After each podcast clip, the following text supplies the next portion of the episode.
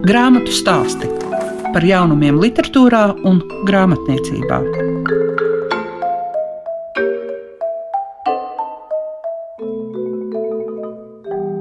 Šīs dienas grāmatu stāstu laikā jūs uzzināsiet par Friedrika Bakmana grāmatu Nervozie ļautiņi un viedokļu apmaiņas vietnē Gudrīds ierindojās augstāk vērtēto grāmatu desmitniekā. Un vēl runāsim par grāmatām un digitālo vidi.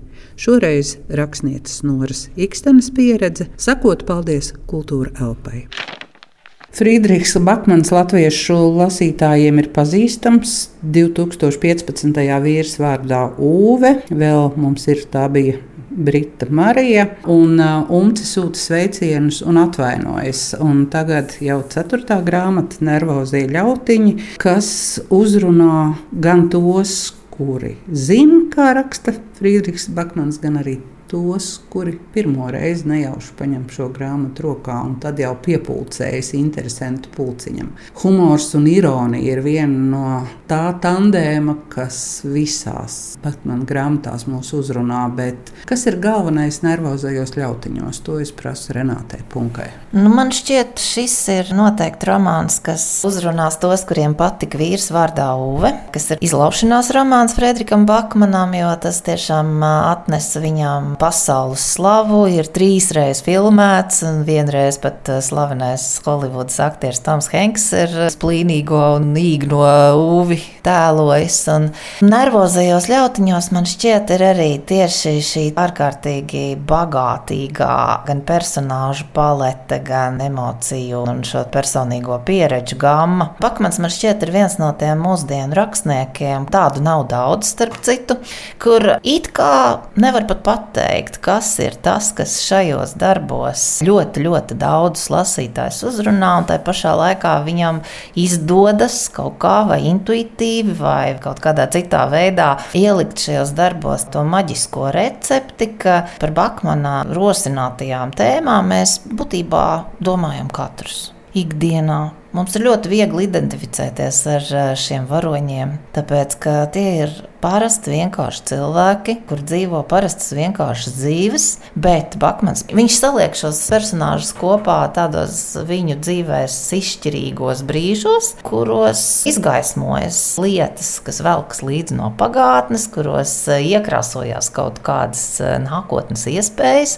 Un turklāt viņš prot tiešām, kā jau tu liegi minēji, izstāstīt to ar brīnišķīgu humoru, it kā neuzmācīgi, bet tajā pašā laikā nu, tur ir, kā saka, no smiekliem līdz asarām un atpakaļ. Man šķiet, ka tieši tā ir tā recepte, kuru nevar nokopēt, kur simts rakstniekiem strādā labāk vai sliktāk, un dažiem rakstniekiem strādā vienkārši izcili. Jo Friedrichs Bakmans ir arī viens no tiem rakstniekiem, kam ir milzīgi panākumi arī Amerikas Savienotajās valstīs, kur varat man ticēt, angliski rakstošajā, runājošajā, lasošajā tirgu ielausties kādam, kas neraksta angliski, ir ļoti, ļoti grūti. Un, ja nervozie ļautiņi pagājušajā gadā bija gudrīts labāko grāmatu pieciniekā un cīnījās par pirmo vietu starp Amerikas lasītāju vismīļākajām grāmatām, nu, es domāju, ka tā jau ir arī tāda zīme, kas norāda, ka šā rakstnieka grāmatās ir vērts ieskatīties. Starp citu, decembra beigās. Droši vien tas arī tā sasaucās ar grāmatas sižetu, kurš risinās ap gadu miju. Decembra beigās kanālā Netflix parādās uh, seriāls Nervozie ļautiņi. Tā kā nu, būtībā grāmata, kas iznāca zviedru valodā pirms diviem gadiem, un nu, jau ir kļuvusi par visā pasaulē skatītu seriālu. Man šķiet, tas ir atkal tāds ievērības cienīgs notikums. Man liekas, ka ja mēs nosauktu tās tēmas, kas vīs cauri visām um, Bakmana grāmatām, tad mums ir jāsauc pašnāvība, mums ir jāsauc trauksmes sajūta un arī noklusējuma. Tās varbūt ir trīs galvenās, kurām pievienojas vēl pietiekami plaša buķete. Visas tēmas pietiekami tādas, kurām it kā negribas ķerties klāt. Ka mēs saprotam, ka tie cilvēki varētu būt arī mūsu līdzbiedri. Jā, jā, tieši tā. Man liekas, ka viņu varoņiem ir diezgan viegli identificēties, tāpēc ka kāda no viņos jaušamajām īpašībām noteikti ir arī mūsos, vai mums tā ir lolojama vai skaužama,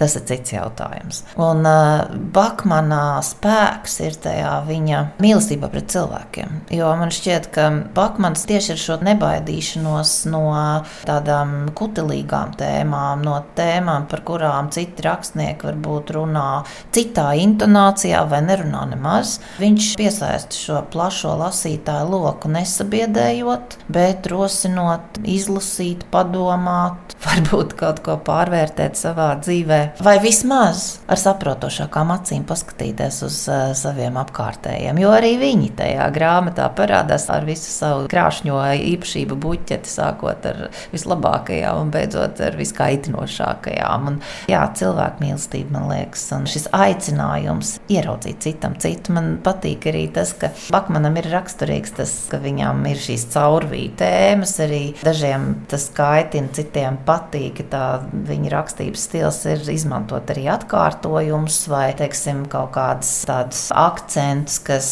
tā kā Čehovam bija tā viss, kas pirmajā cēlienā piekrāta pie sienas, trešajā noteikti izšaus. Arī Bakmanam ir šādi literatūrā daudz izmantot elementi, kuri ir pietiekami svaigi, un arī šie salīdzinājumi it kā tiek ņemti no ikdienas dzīves, tāpēc tie ir ļoti viegli saprotami cilvēkiem, un tā pašā laikā viņš tomēr arī pietiekami svaigi tos lieto. Nervozie ļautiņi man šķiet ir ļoti, ļoti atbilstoša lasām viela tieši pašreizējam laikam. Tāpēc, ka šī iztēlotā, mazliet kariķētā ķīlnieku krīze, par kuru ir stāstīts eh, romānā, tā ir tādā salīdzinošā izolācijā nonākušu cilvēku nepieciešamība paskatīties acīs cits citam un arī pašiem sev. Un meklēt cēloņu sakarības. Un meklēt cēloņu sakarības tieši tā. Vai nav arī tā, ka šīs tēmas tik jūtīgi un jutīgi Bakmans spēja atspoguļot, tāpēc ka viņš arī pats tās ir pārdzīvojis. Šis romāns ir veltīts kādam sen aizgājušam draugam, kur pašnāvība acīm redzot ir atstājusi ļoti, ļoti dziļas pēdas Bakmana dzīvē. Bet Bakmans jau literatūrā vispār ienāca no blogeru pasaules.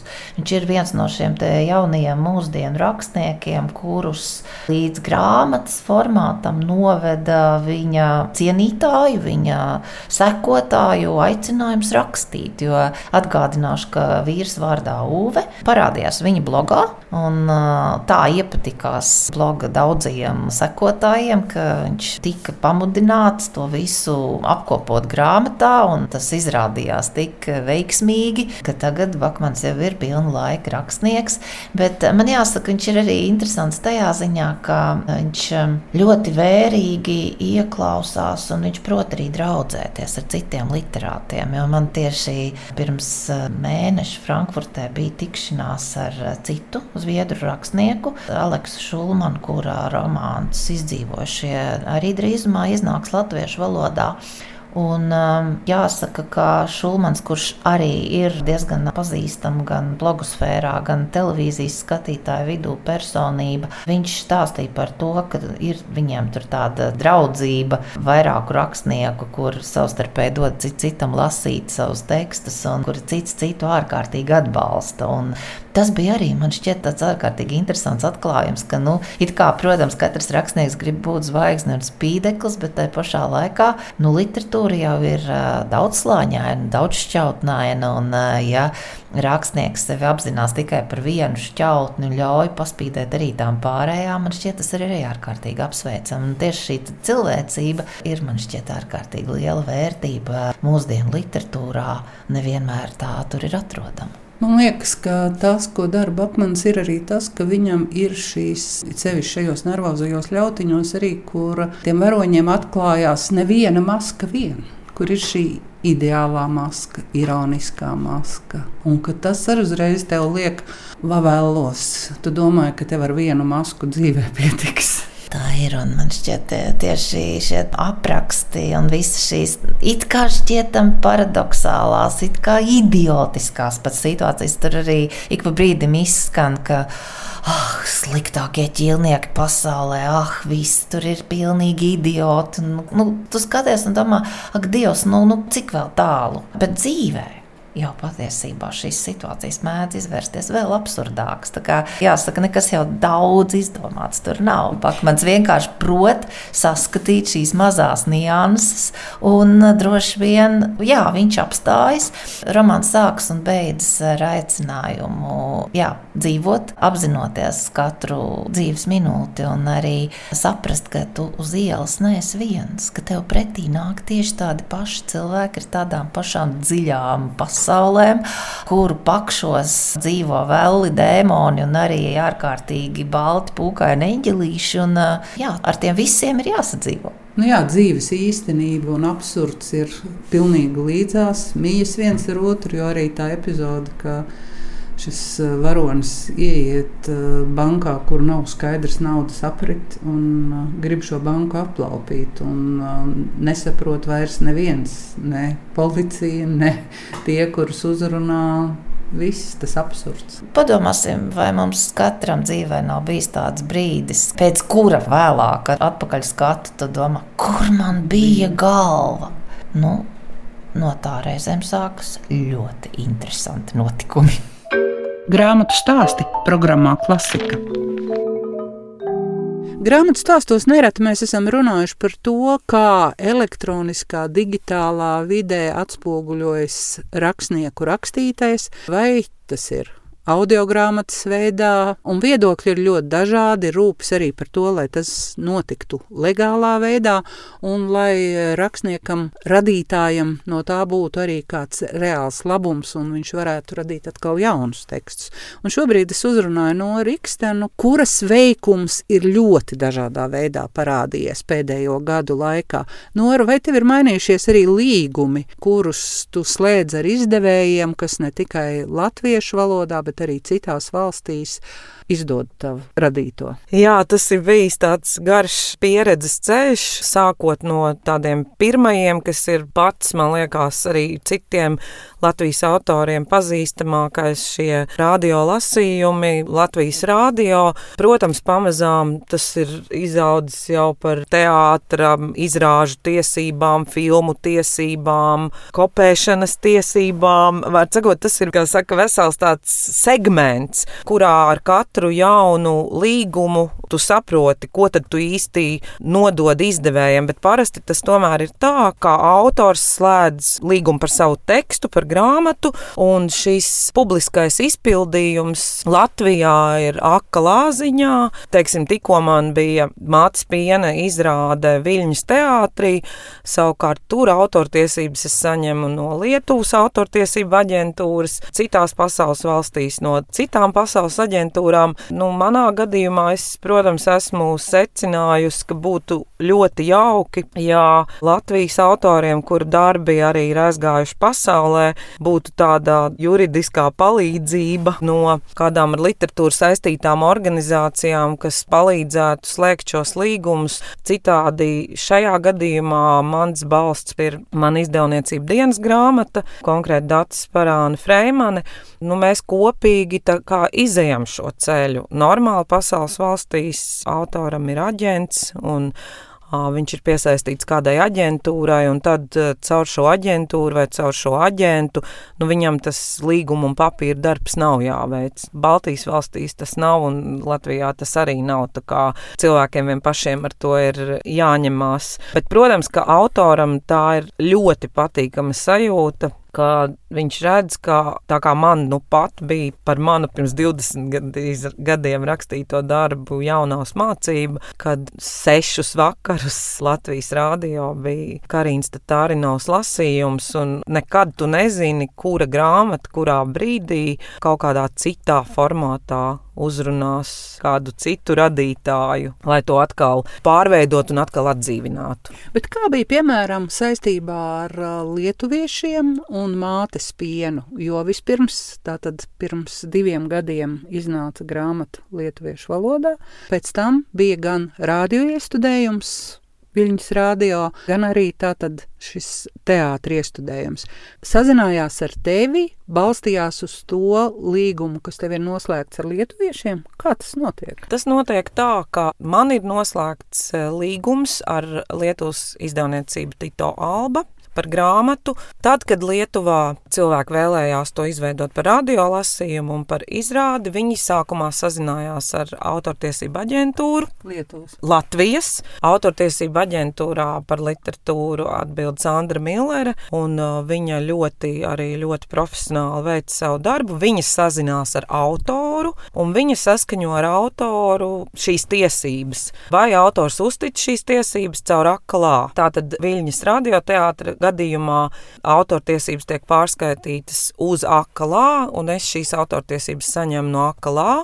Izrādes gadījumā autortiesības tiek pārskaitītas uz lietuviešu autortiesību aģentūru, bet licenci iestudējuma veikšanai lietuvieši pērk no Latvijas autortiesību aģentūras. Nu, īstenībā diezgan sarežģīti. Jā, tas ir, tas ir sarežģīti katrā gadījumā, jo katrai valstī ir sava likumdošana, katrai valstī ir sava sava nodokļu sistēma, katra valsts to dara savādāk. Ir bijušas valsts, kas piedāvā konkrēti kaut kādu atlīdzību par darba tālāk izmantošanu vieniem vai otriem mērķiem. Bet šajā publiskā izpildījuma gadījumā tomēr tas ir saistīts vairumā gadījumu ar Latvijas autortiesību aģentūru.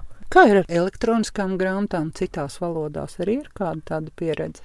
Nu, par to liega man vienmēr ir tāds bijis šīs kopēšanas tiesības un elektroniskās tiesības. Man visu laiku zemapziņā liekas, ka kāds ar to pelna lielu naudu, bet autori to naudu neredz. Jo tās elektronisko grāmatu, protams, tas salīdzinoši ir neliels procents, ko autors saņem, teiksim, attiecībā uz manām dienas grāmatas izdotajām grāmatām. To es esmu nodevusi vai nododu par katru atsevišķo grāmatu tās tiesības savai izdevumam celtniecībai, bet man liekas, tā vide joprojām ir tik nesakārtota un tik necaurspīdīga, ka īstenībā mēs nezinām, jo tad, kad es, piemēram, kādreiz paskatos, cik neprātīgi daudz mani teksti klejo internetā, cik neprātīgi daudz visos veidos tie tiek izmantoti, sākot ar apsveikumu kartiņām, citātu kartotēkām, skolu dažādām vajadzībām.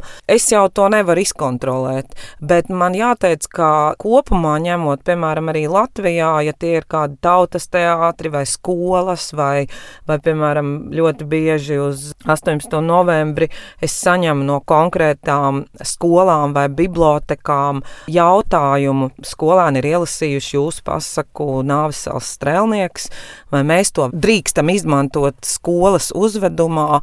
Mēs, diemžēl, neko jums nevaram atlīdzināt, bet vai mēs to drīkstam? Un, protams, ka vairumā gadījumu es saku, jā, ja tas netiek izmantots kaut kādiem, nu, teiksim, tādiem komerciāliem vai pelnīšanas nolūkiem. Un tad vēl, protams, otra lieta vēl ir dziesmu teksti, vairāk sadarbībā ar Raimonu Tigulu, kas arī ir reģistrēti autortiesību aģentūrā, bet, nu, teiksim, tā galīgi izsakot, es tam nevaru. Man ir visu laiku tā sajūta, ka pēc tā apjoma, cik intensīvi mani teksti tiek izmantoti šajā digitālajā vidē, man ir tāda sajūta, ka varbūt es nesaņemu attiecīgo atalgojumu, bet es vienkārši domāju, ka labs nāk ar gaidīšanu, un es īpaši par to tā nesaspringst. Es priecājos, ka tie teksti tomēr dzīvo un ka tie cilvēkiem ir vajadzīgi un ka tie tiek, kā es jau to teicu, izmantoti vis visādos labos, tādos cēlos veidos.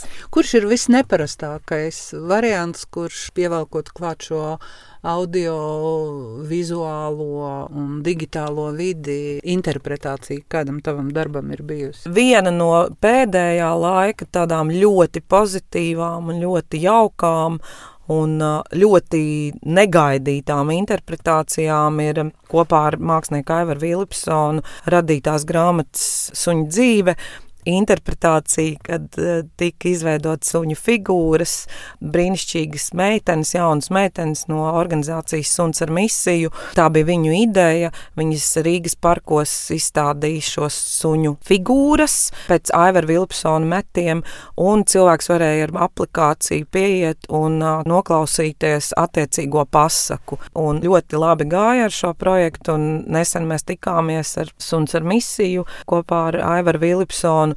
Un izrādās, ka to vēlmi dabūt suņus pavasarī ir izteikušas jau arī Jūrmāla, Valmija, Rikšķila. Tā kā nekad tu nevari zināt, kā tavs teksts, kādu interpretāciju vai kādu jaunu dzīvi tas iegūs. Un, Un, protams, tas lielākais notikums, ko es gaidu, ir filma Mātes piens, kas ir atkal tāds pilnīgi grāmatas jauna cita dzīve.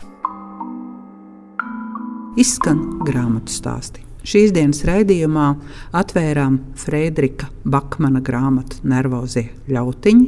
Ja neesat to lasījuši, tad noteikti iesaku to izdarīt. Kā arī grāmatas un digitālo vidi izvērtējām no rakstnieces Noras Ikstenes pieredzes. Visu labu jums saka Liega Piešiņa.